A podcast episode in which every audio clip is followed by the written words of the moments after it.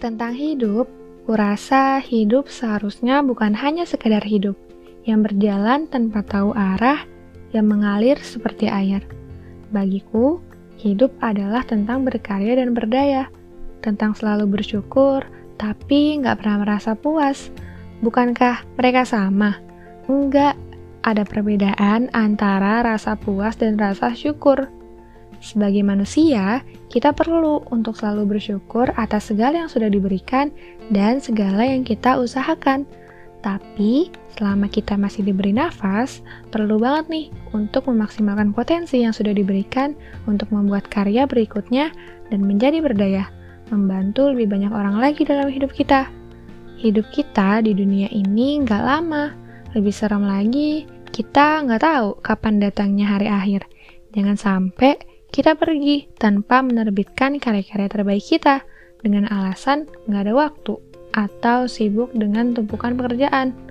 Sudah waktunya kita berubah jadi lebih produktif. Jadi, karya apa yang ingin kita terbitkan?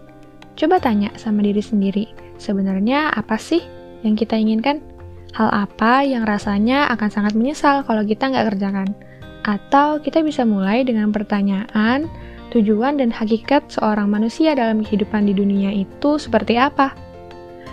Definisikan tujuan kita, tentukan apa yang ingin kita lakukan dengan jelas sebelum kita menghabiskan waktu untuk mengerjakan semua yang nggak salah. Ingat, hidup kita nggak lama.